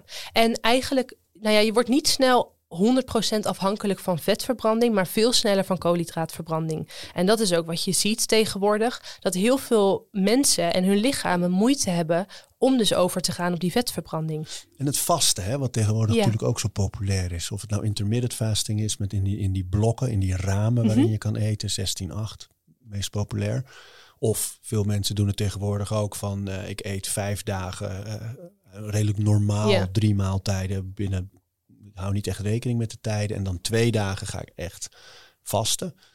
Uh, allerlei vormen daarvan. Heeft dat hier ook mee te maken? Ja, um, want het is natuurlijk zo dat als jij niet eet, dat jij je bloedsuiker in principe stabieler houdt. Dus je lichaam hoeft minder insuline aan te maken. Dus gaat over op die vetverbranding. Maar daar wil ik wel een grote kanttekening bij plaatsen. Kijk, als jij, en dat, dat zie ik dus heel erg veel in mijn praktijk, ik werk voor, voornamelijk met vrouwen, die veel ballen hoog te houden hebben, een erg gestrest leven hebben en die zichzelf dan in die intermittent fasting gaan pushen, eigenlijk verschrikkelijk trek hebben, ja, dan werkt het niet. Want dat is dus ook de reden waarom ik zelf die bulletproof neem voordat ik ga sporten, omdat cortisol eigenlijk een beetje het, hetzelfde effect heeft, ja, hetzelfde effect heeft als wanneer ik een banaan zou eten. Ja, dat is gewoon een, uh, een stijging in mijn bloedsuiker. Denk je ook niet dat sowieso het vaste de verkeerde motivatie zou zijn om ermee af te vallen? Dat dat Um, Helemaal niet de goede motivatie. Dit is meer een gevolg toch van wat je doet dan een doel. Kijk, ik denk sowieso dat um, afvallen als doel.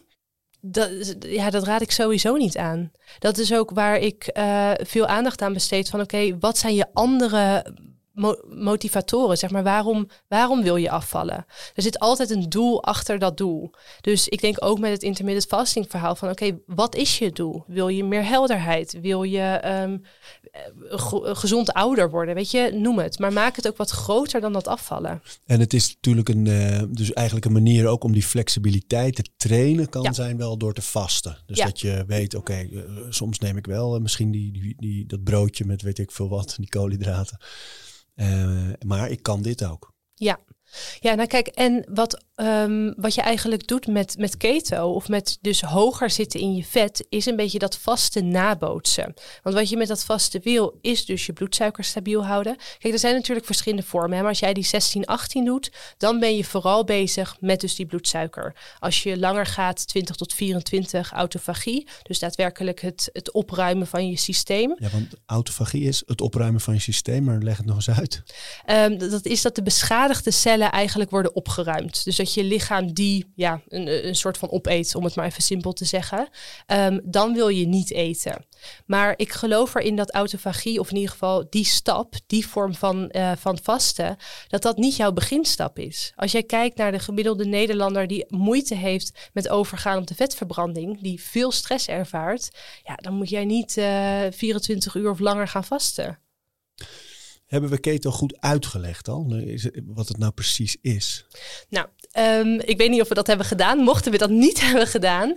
Kijk, keto is eigenlijk de, um, de de vorm van koolhydraatarm waarin je in die vetverbranding zit. En we zeggen snel van oké, dat is 20 tot 30 gram koolhydraten. Maar eigenlijk wat je met keto wil, is vetverbranding, zodat je ketonen produceert en dat dat je energiebron is. En als je mij eens meeneemt door een dag eten, hè, in jouw geval. Dus ehm, je zegt, ik ben eigenlijk de hele dag in ketose. Maar dat betekent niet dat je de hele dag niet eet. Nee, nee, ik eet absoluut. Ik neem over het algemeen drie maaltijden. Kunnen we dus alle drie langslopen? Ja, ja, um, ik laat het sowieso afhangen van, van hoe ik me voel. Want daar geloof ik ook echt in dat als jij koolhydraatarm eet, niet meer afhankelijk bent van jouw bloedsuiker, kun je eindelijk intuïtief eten. Ik weet, intuïtief eten is een mega hype op dit moment. Kan alleen als je koolhydraatarm eet. Daar geloof ik echt heilig in. Want anders ben jij je bloedsuiker constant aan het voelen. Of in ieder geval die, die rollercoaster. Dat is niet intuïtief eten. Dat is gewoon puur je, ja, je systeem die het een soort van overneemt. Dus ik laat het er wel een beetje van afhangen van... oké, heb ik ochtends trek? Ook ga ik wel of niet sporten? Maar laten we ervan uitgaan dat ik, dat ik sport. Dan neem ik dus een um, decaf koffie geen cafeïne, want dat zorgt juist voor een piek in mijn cortisol. Dat wil ik niet, um, want daarvoor neem ik, die, neem ik die bulletproof. Dus ik neem een decaf espresso met uh, wat MCT erin. Dan ga ik sporten. Doe je dat thuis of op de gym? Uh, doe ik thuis. Ja. Ja, um, ja wat... niet in elke gym nee. begrijpen wat je bedoelt. nee. Met je decafje en je MCT. Precies. Ik weet dat ik een beetje speciaal ben. dus ik, eigen ik doe dat. misschien. Doe het kastje van Normen even open, jongens. is een heel interessant kastje. Nee, dus ik, uh, ik, ik weet dat ik mijn ijs heb, dus ik doe dat gewoon thuis. Um, dan uh, mijn ontbijt is vaak iets van eieren. Dus dat kan een omelet zijn, dat kan een, uh, iets van scrambled egg zijn. Veel, of in ieder geval ja, wel drie tot vier eieren. Um, elke, min of meer elke dag? Ja, ja, ik ben ook niet bang voor mijn cholesterol. Nee. Want ik weet dat dat natuurlijk wel gezegd wordt van oké, okay, cholesterol, eieren, is dat geen probleem? Nee. Je lichaam die maakt namelijk zelf cholesterol cholesterol aan. 95% van je cholesterol wordt door je lichaam gemaakt. Dus als je meer cholesterol eet, dus meer eieren, schaal- en schelpdieren, dan gaat je lichaam gewoon minder maken. Cholesterol is gezond. We hebben cholesterol nodig. Goed, ja, ik heb, we hebben kippen thuis, dus ik, neem, uh, ik ben de laatste tijd erin gedoken om ze rauw te eten weer. Oh. Ja, dus, oh, dat vind ik wel boeiend. Ja, want uh, best wel veel onderzoek naar gedaan. Dat je echt wel meer opneemt nog van een ja. rauw ei. Ja. Maar voor mij was het ook gewoon praktisch. Dat ik dacht, nu gooi ik ze, eh, ik gooi ze in de mixer. Ja, top. En ik gooi er, gooi er een beetje een paddenstoelen extract bij. En ik heb wat, uh, zo'n planktonpoedertje. Ja. Dan gooi ik vaak toch wel wat groente bij. Dan neem ik een hand noten en dan heb ik die shake met groente en deze dingen. Nou, die bent, bent gewoon klaar. Oh, top. Ja. ja. Maar rauw kan heel goed. Ik zou het niet doen van de bio-industrie nee, natuurlijk. Nee, dat absoluut maar niet. Dus onze eigen kippen. Ja, ja, dat is top. Ja, want inderdaad, dat kun je heel makkelijk door een shake doen. En het is meteen en je eiwitbron en je vetbron. Want je hebt natuurlijk je dooier waar vetten in zitten. Ja. Dus je bent meteen weer stabiel met je Maar bloedsuiker. ik doe steeds twee, soms is drie. En ook niet elke dag. Maar als ik nu jou hoor, dan durf ik het straks wel aan, denk ik. Iedere dag drie. Ik zou het lekker doen, ja. dus dat is vaak mijn ontbijt, eieren. Um, smiddags is het, nou, dat hangt een beetje van het weer af. Nu het weer wat lekkerder weer wordt, is het misschien een salade, maar altijd met voldoende eiwitten. Dus ik zorg er echt voor dat er een goed stuk zalm bij zit, of uh, dat ik garnalen erbij eet, of iets van gerookte kip, mozzarella, iets in die richting. Wel altijd dus voldoende. Voor mij is voldoende ongeveer nou, 130 gram van dus daadwerkelijk die eiwitbron. Um, natuurlijk dat ik daar voldoende vetten aan toevoeg. Dus kijk, bij zalm zit dat automatisch. Ja. Dan heb je natuurlijk gewoon je omega-3 vetzuren. Uh, maar als ik um, gerookte kip neem, dan zorg ik er wel voor dat ik er even wat extra olijfolie bij doe. Want kip is natuurlijk veel magerder. Dus dan wil je zelf die vetten er wat aan toevoegen. Dus sowieso als ik uh, s'avonds kip eet, dan doe ik altijd kippendij. Want dat is natuurlijk veel vetter dan dat kipfilet is. Ook veel smaakvoller, vind ik zelf. Maar goed, dat is, uh, dat is mijn mening. Doris ook zo um, te zien. Kippendijen-fan. Kippendijen-Doris. ja, het is gewoon veel lekkerder. Dus ook bijvoorbeeld het, het vel van de, van de kip zou ik ook zeker eten. Super goede collageenbron, dus dat wil je ook wel binnenkrijgen. Hier heb je meteen een puzzeltje. Ja. Want je, we zitten in die drie maaltijden. Ik ben nog wel benieuwd wat je nog voor je avondmaaltijd naast dat kippendijtje eet. Ja. Zullen we dat eerst doen? Ja. Stel ik daarna mijn vraag. Um, nee, dat zijn dus vaak wat groentes. Dus dat is bijvoorbeeld um, uh, pompoen met, uh, met biet. En dat doe ik dan uit de oven. Dat vind ik lekker om te maken. Doe je van die traybacks? Uh, ja, maar ik doe de, of in ieder geval de groentes wel, maar ik doe, ik doe de kip daar niet bij. Nee, Want ik hou, te droog. Ja, ik hou ervan als die kip lekker krokant is. Zeker dus die kippendij. Um, dus dat doe ik vaak los. En dan doe ik er eventueel nog wat geitenkaas of zo overheen of een beetje feta. Ehm, ik let wel op met zuivel, zeker melk. Dus ik zei net van oké, als ik naar een uh, koffietentje ga, doe ik wel een cappuccino. Omdat ik een beetje de balans voor mezelf heb opgemaakt van oké, wat vind ik erger? Een beetje zuivel of die uh, zonnebloemolie. Ja, die zonnebloemolie vind ik echt erger. Dus dan ga ik toch voor een, uh, voor een normale koeienmelk cappuccino. Um, maar in principe, ik, ik drink geen melk. Uh, ik neem af en toe misschien een beetje yoghurt, maar meer kokosyoghurt. Zou je dat wel doen als je het rechtstreeks van de boer... Ja. Gewoon helemaal vers. Maar het ligt er ook weer heel erg aan hoe jouw darmgezondheid is. Kijk, als jij, want zuivel kan wel weer een ontstekingstrigger zijn, zeker voor je darmen. De gemiddelde mens heeft niet hele gezonde darmen. Dus in mijn geval denk ik, nou weet je, dat, dat is prima, daar is prima ruimte voor. Maar als ik mensen met darmklachten krijg, eerst die zuivel eruit, darm herstellen en dan is er zeker weer een beetje zuivel mogelijk. En dan is van de boer natuurlijk top. Ja. Zo joh. Um, ik zei al, je hebt die drie maaltijden geschetst. Um, en het is meteen een soort puzzeltje dat je eigenlijk kijkt, oké, ik wil dus uh, flink in de proteïne ja. zitten bij elke maaltijd. Ja ik bij elke maaltijd zit wat vet. Zijn, zijn er nog meer puzzelstukjes die jij eigenlijk zo bij elkaar legt per maaltijd? En laag in koolhydraten. Dus dat is eigenlijk mijn, mijn stappenplan. Dat ik kijk, uh, mijn eiwitten zijn inderdaad mijn prioriteit. Zit daar van zichzelf al vet in of voeg ik die zelf toe? En um, nou ja, wel gewoon een beetje koolhydraten, producten laag in koolhydraten ter variatie. Wat dus een beetje fruit kan zijn of een beetje groentes. En dat je daarin kan afwisselen. En uh, het hele fenomeen nood, hoe zit dat bij keto? Noten? Ja. Um, kan. Maar mm, zou ik ook een beetje mee oppassen. Kijk, wat ik veel zie als mensen keto gaan eten, van oh, dan gaan we helemaal lang leven de amandel. Ja, een beetje amandelen is niet erg, maar het is weer hetzelfde verhaal als met die zonnebloempitten. Kijk, amandelen zijn heel hoog in omega-6. Pinda's zijn ook heel hoog in omega-6. Als jij dan alleen maar amandelmelk gaat drinken, uh, allemaal dingen met amandelmeel gaat bakken en daar ook nog eens pindakaas op smeert, ja, dan zit je weer heel hoog in die omega-6. Dus maar noten in algemene zin, een paranoot of een andere ja. noot, een walnoot erbij. Dat, dat, dat of macadamia-noten, prima. Maar je wil wel weer kijken van oké, waarom neem ik dat? Is het een tussendoortje? Nou ja, eerste vraag, heb je trek? Dan heb je eiwitten nodig. Die haal je nauwelijks uit noten. Dus dan wil je gewoon zorgen dat je een goede hoofdmaaltijd hebt. Dus bijvoorbeeld door een salade of zo doe ik zeker noten. Want dat maakt het ook gewoon lekker. Dat geeft een, een beetje een crunch. Um, maar het, het is geen snack.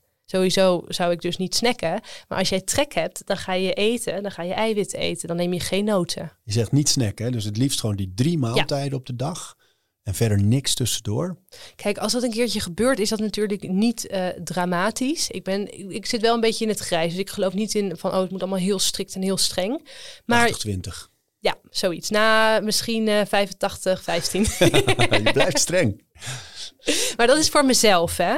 Kijk, want ik, ik weet ook hoe ik me voel als ik niet koolhydraatarm eet. En daar kom ik ook weer op dat verschil van, weet je, eh, een mager zesje. Wat, wat een mager zesje blijkt te zijn en wat ik me eerst niet realiseerde. Als ik nu koolhydraten eet, nou, ik voel me echt als door een bus overreden. Echt, het is echt alsof ik een kater heb zonder dat ik heb gedronken. Dus dan denk ik van ja, weet je, die, die impact is, is wel gewoon heel groot. En dat heb ik niet bij één maaltijd hoor. Kijk, als ik een frietje eet, dan ben ik nog steeds helemaal oké. Maar als ik uh, s ochtends mijn dag begin met, uh, met pancakes en smiddags uh, een broodje ergens eet en s'avonds voor die patat ga, ja, dan voel ik, dan kun je, ja, dat is verschrikkelijk de volgende dag. Is het steeds in te denken van, van ik ben altijd. Um, als ik bijvoorbeeld in een vaste periode zit, intermittent, dan ik moet echt uitkijken dat ik niet te veel afval. Ja. Um, als ik jou zo goed hoor, dan, dan moet ik eigenlijk vooral met nog meer proteïne aanvullen uit voeding. Ja. Dan, uh, dan dus koolhydraatvormen. Nou, kijk, in jouw geval denk ik niet. Want je zegt net dat je op 3 gram zit, uh, 3 gram eiwitten. Ja, dus nou, streven, dat is ja. hoog. Um, dus ik denk dat je meer vet nodig hebt.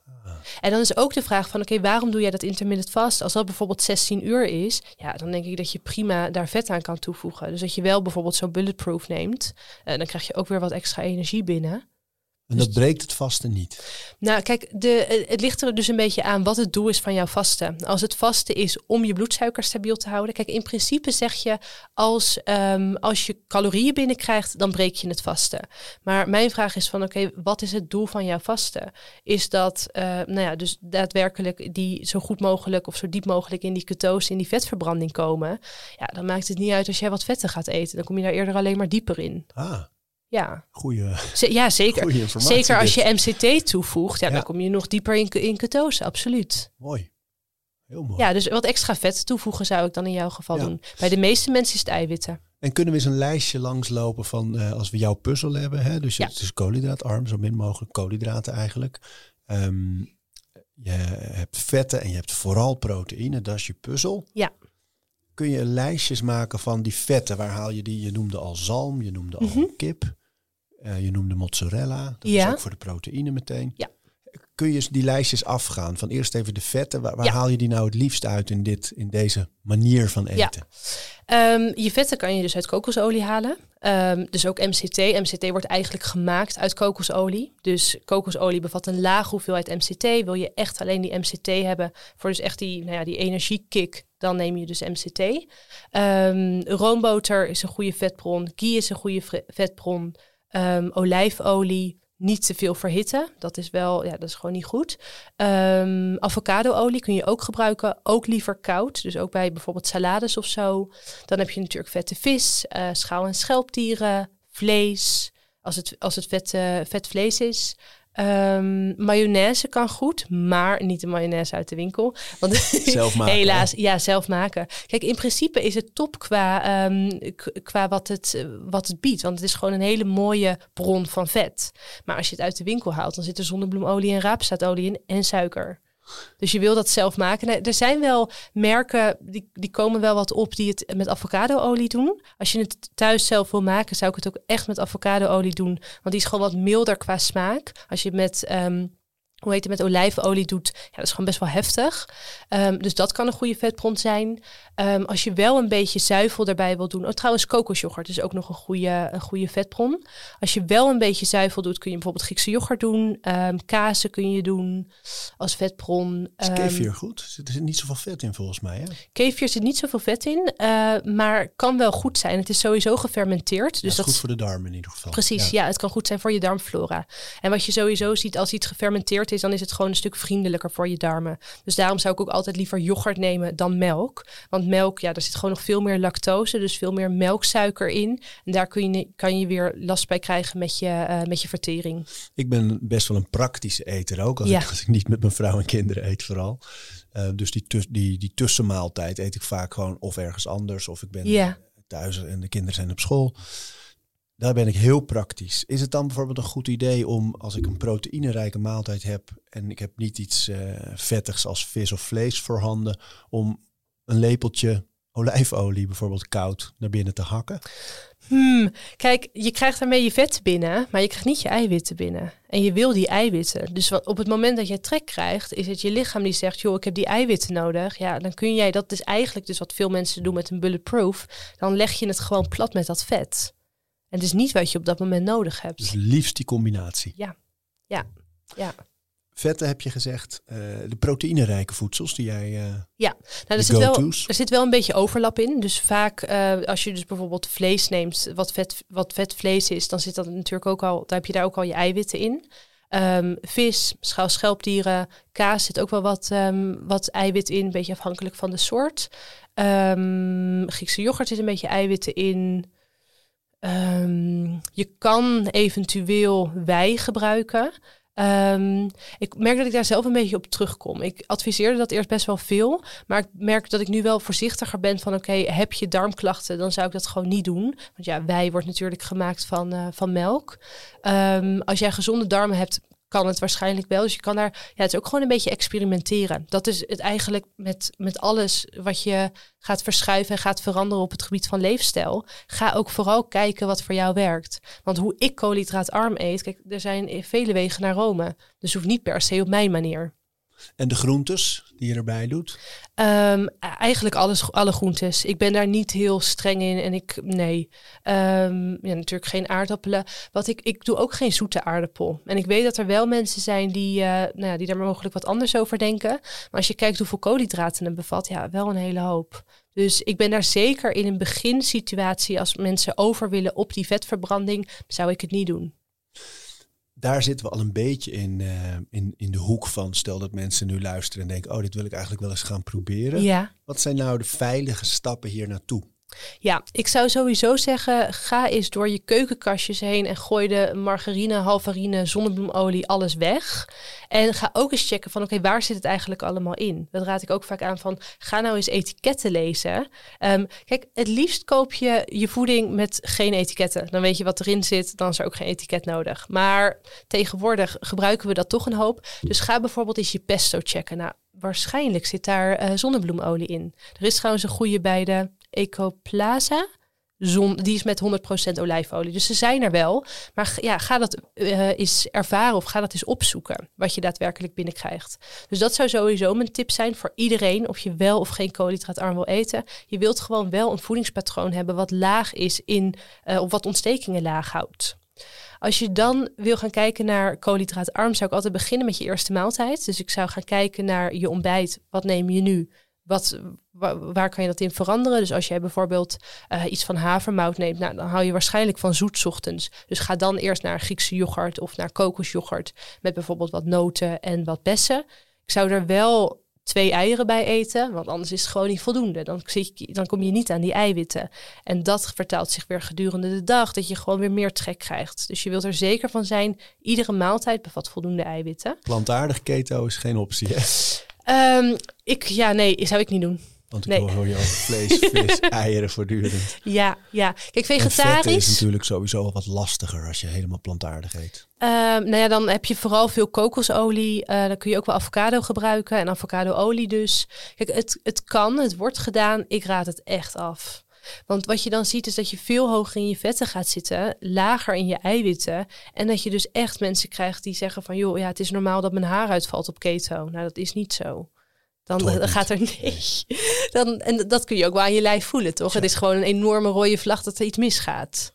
Dus je kijkt, die eerste maaltijd, hoe eet ik nu en wat kan ik daar nog aan veranderen? Om, uh, je gaf al een mooi voorbeeld daarvan. En dan de volgende stap, want het is niet iets waar je meteen vanaf dag één, als je het niet nou, gewend bent, in kan, toch? Jawel, kijk, het kan. Maar um, kijk, mijn visie is, je wil leefstijlverandering. En ik geloof erin dat als jij je leefstijl wil veranderen, dat je dat stap voor stap doet. Het is een soort van sneeuwbaleffect. Jij neemt die eerste stap, je voelt dat je dit kan. Kijk, dat is natuurlijk ook de vrouwen met wie ik werk, die hebben al honderden diëten geprobeerd. En die, ja, die zijn ontzettend aan aan jojoen. Nooit diëten, hè? Nee, nee. Dus je, je wilt een leefstijlverandering. En wat ik dan zie als mensen een soort van heel cold turkey... Kijk, dat kan goed gaan. Hè? Het hangt ook af... Ik zou zeggen, mannen die kunnen eerder cold turkey. Die zijn gewoon wat minder... Ja, of in ieder geval wat, wat minder um, emotioneel ook betrokken bij hun eten. Dat zijn vrouwen veel meer. Ja, oprecht. Gelukkig um, ook maar. Ja, ja. Leven nou, de emotie. dat wel, maar het is wel fijn om die emotie een beetje uit je voeding te halen. Dat geloof ik wel. Um, dus door het stap voor stap te doen en ook het vertrouwen te krijgen van, joh, ik, ik, ja, ik kan dit. Ik, ik krijg weer vertrouwen in mijn lichaam, in de keuzes die ik maak. Ik weet, ik weet wat ik aan het doen ben. Ja, van daaruit volgt de volgende stap. Dus ik zou het eigenlijk per maaltijd doen. Tenzij dat je denkt, joh, ik hou ervan om gewoon heel cool turkey ergens in te gaan. Mag ook. Maar de vraag is wel van, oké, ga je het dan ook op de lange termijn volhouden? Want ik geloof niet dat keto of koolhydraatarm iets is dat je nou ja, af en toe even doet. Zorg, eh, maak het je leefstijl. Ja, en dus je... niet als periode, maar echt gewoon kijken of dit de rest van je leven vol ja. te houden is. Hè? En kijk, dat kan natuurlijk wel in, in gradaties. Dus misschien dat jij bepaalde periodes uh, in ketose zit en de andere uh, periode koolhydraatarm. Maar ik zou het toch in ieder geval heel Nederland aanraden om onder de 130 gram koolhydraten te gaan zitten. Dus in ieder geval die grote, want ik, ik weet dat ik grammen zeg en dat, is, dat staat haaks op mijn filosofie. Want ik wil niet dat je gaat tracken, maar dat je wel gaat kijken van oké, wat zijn de grote koolhydraatbronnen die ik eet? Hoe kan ik die weglaten en voor wat kan ik die vervangen? Vet en eiwit. Zijn er risico's eigenlijk? Zijn er bijvoorbeeld bepaalde groepen mensen of bepaalde aandoeningen dat je hier echt niet aan moet wagen? Niet dat ik weet. Nee, kijk, het cholesterolverhaal wordt natuurlijk vaak gezegd, maar dat is, hebben we daar nog tijd voor? Want het is oh, wel, oké, is ook weer even een uitstap. Um, kijk, het cholesterolverhaal, er wordt dan snel gezegd van, oké, je LDL is je slechte cholesterol. LDL wordt in verband gebracht met hart- en vaatziekten. Maar wat we inmiddels weten... voor? Um, Weet jij vast? Low density lipoprotein. Ik moest wel even nadenken, maar dat is hem. Um, dus dat is in verband gebracht met hart- en vaatziekten. Um, maar we weten inmiddels dat je twee typen LDL hebt. Dus je hebt een gezond, fluffy LDL, wat groter. En je hebt een kleiner, beschadigd LDL. Nou, je kan dan een, een uh, eh, LDL-partikeltest doen. Dat is heel kostbaar. Is ook allemaal niet nodig. Want als je gaat kijken naar je andere cholesterolwaardes, naar je triglyceride en je HDL. Triglycerides geeft aan hoeveel vet er door jouw aderen zweeft. Dus eigenlijk hoe goed jouw lichaam in staat is om vet te verbranden. Dus aan zo'n triglyceride kan ik zien van oké, is iemand metabolisch flexibel? Als die hoog is, nee. Dus dan wil je ervoor zorgen dat je die koolhydraatinname laag houdt, zodat iemand weer op die vetverbranding over kan gaan. Dus die neem je mee in het LDL-verhaal, triglycerides. Dan je HDL-cholesterol. HDL is beschermend tegen hart- en vaatziekten. Dus die wil je zo hoog mogelijk hebben. Die H staat voor high dan waarschijnlijk. ja. ja. En um, die kun je dan dus verhogen door bijvoorbeeld omega-3, dus uit uh, vette vis.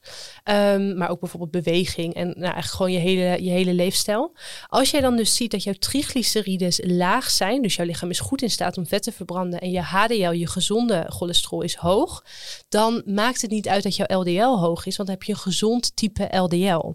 En dat is dus wat je in heel veel onderzoeken ziet op het gebied van, uh, van koolhydraatarm van keto. Van, oh, alle waardes verbeteren, maar die LDL schiet omhoog. En dat werd lang gezien als een probleem. Maar we weten nu dat de, de LDL een stuk complexer is. En dat we dus kunnen kijken van, joh, wat voor LDL heb jij? Als het een gunstig type LDL is, is het alleen maar gezond of goed voor je om, uh, om hem hoger te hebben. En de voordelen? Ja. Je zegt eigenlijk, er zijn niet echt nadelen te noemen, volgens nee. jou in ieder geval. En, en um, dus het is, er zijn geen gezondheidsrisico's of wat dan ook. Het is juist alleen maar voordeel te halen, ja. is de theorie dan. Hè? En, en, en wat zijn nou, want je noemde zelf al de, de energie het meest. Maar zijn er andere, bijvoorbeeld gezondheidsvoordelen nog? Ja, nou ja, kijk, dus inderdaad, om het eerst wat, wat kleiner te houden voor de gezonde mens, is het inderdaad meer, uh, meer focus, meer mentale helderheid. Um, dat je ook gewoon veel stabieler zit in je energie, dat je die, die energiedip voorkomt. Dat je niet dus constant bezig bent met eten en eigenlijk constant aan het zoeken uh, bent naar de volgende maaltijd die je gaat eten.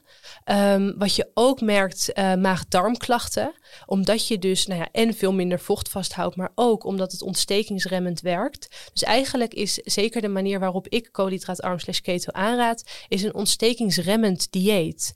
En heel veel, of bijna alle klachten die wij ervaren, dus maag-darmklachten, maar ook huidklachten zoals psoriasis of acne-klachten of uh, reuma. Kijk, het zijn allemaal ontstekingen.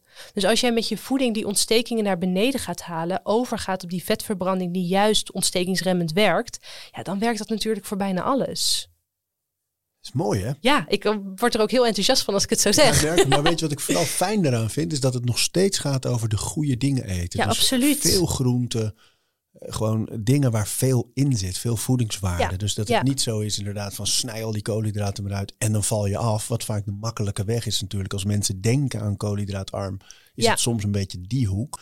Maar als je goed naar jou luistert, zeg je juist, nee, je moet juist heel goed kijken naar de combinaties ja, van absoluut. dingen. Zorg voor flink proteïne, zorg voor vet zorg voor afwisseling nog steeds, denk ik ook. Ja, zeker. Ja, ook om het voor jezelf leuk te houden. Kijk, heel eerlijk, ik zou het niet verschrikkelijk vinden als iemand iedere dag hetzelfde ontbijt. Ik doe dat zelf ook. Ik vind dat gewoon makkelijk. Maar um, ja, dat, dat, verschilt natuurlijk ook per persoon.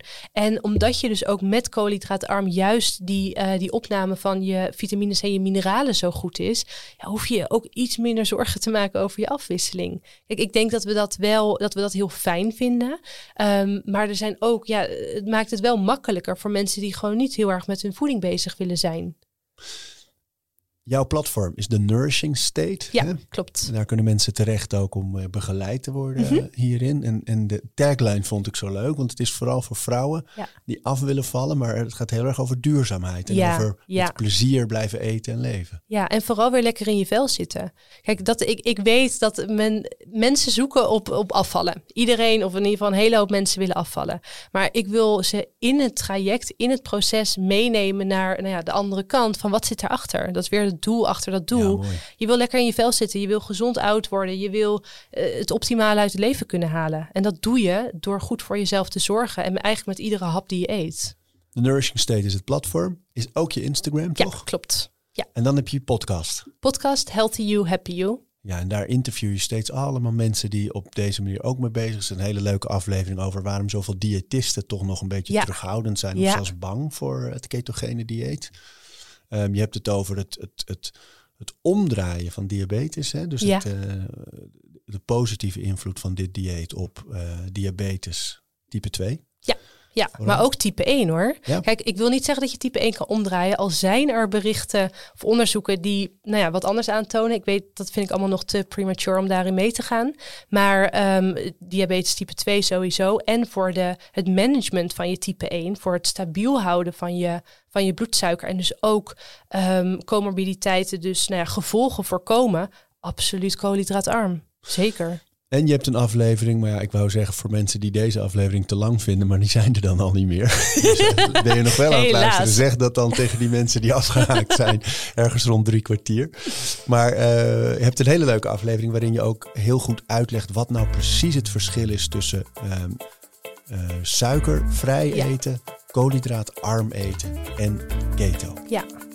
Nou, ja, er zijn nog veel meer afleveringen. Ja. In ieder geval, dankjewel voor al deze informatie. Ja, jij bedankt.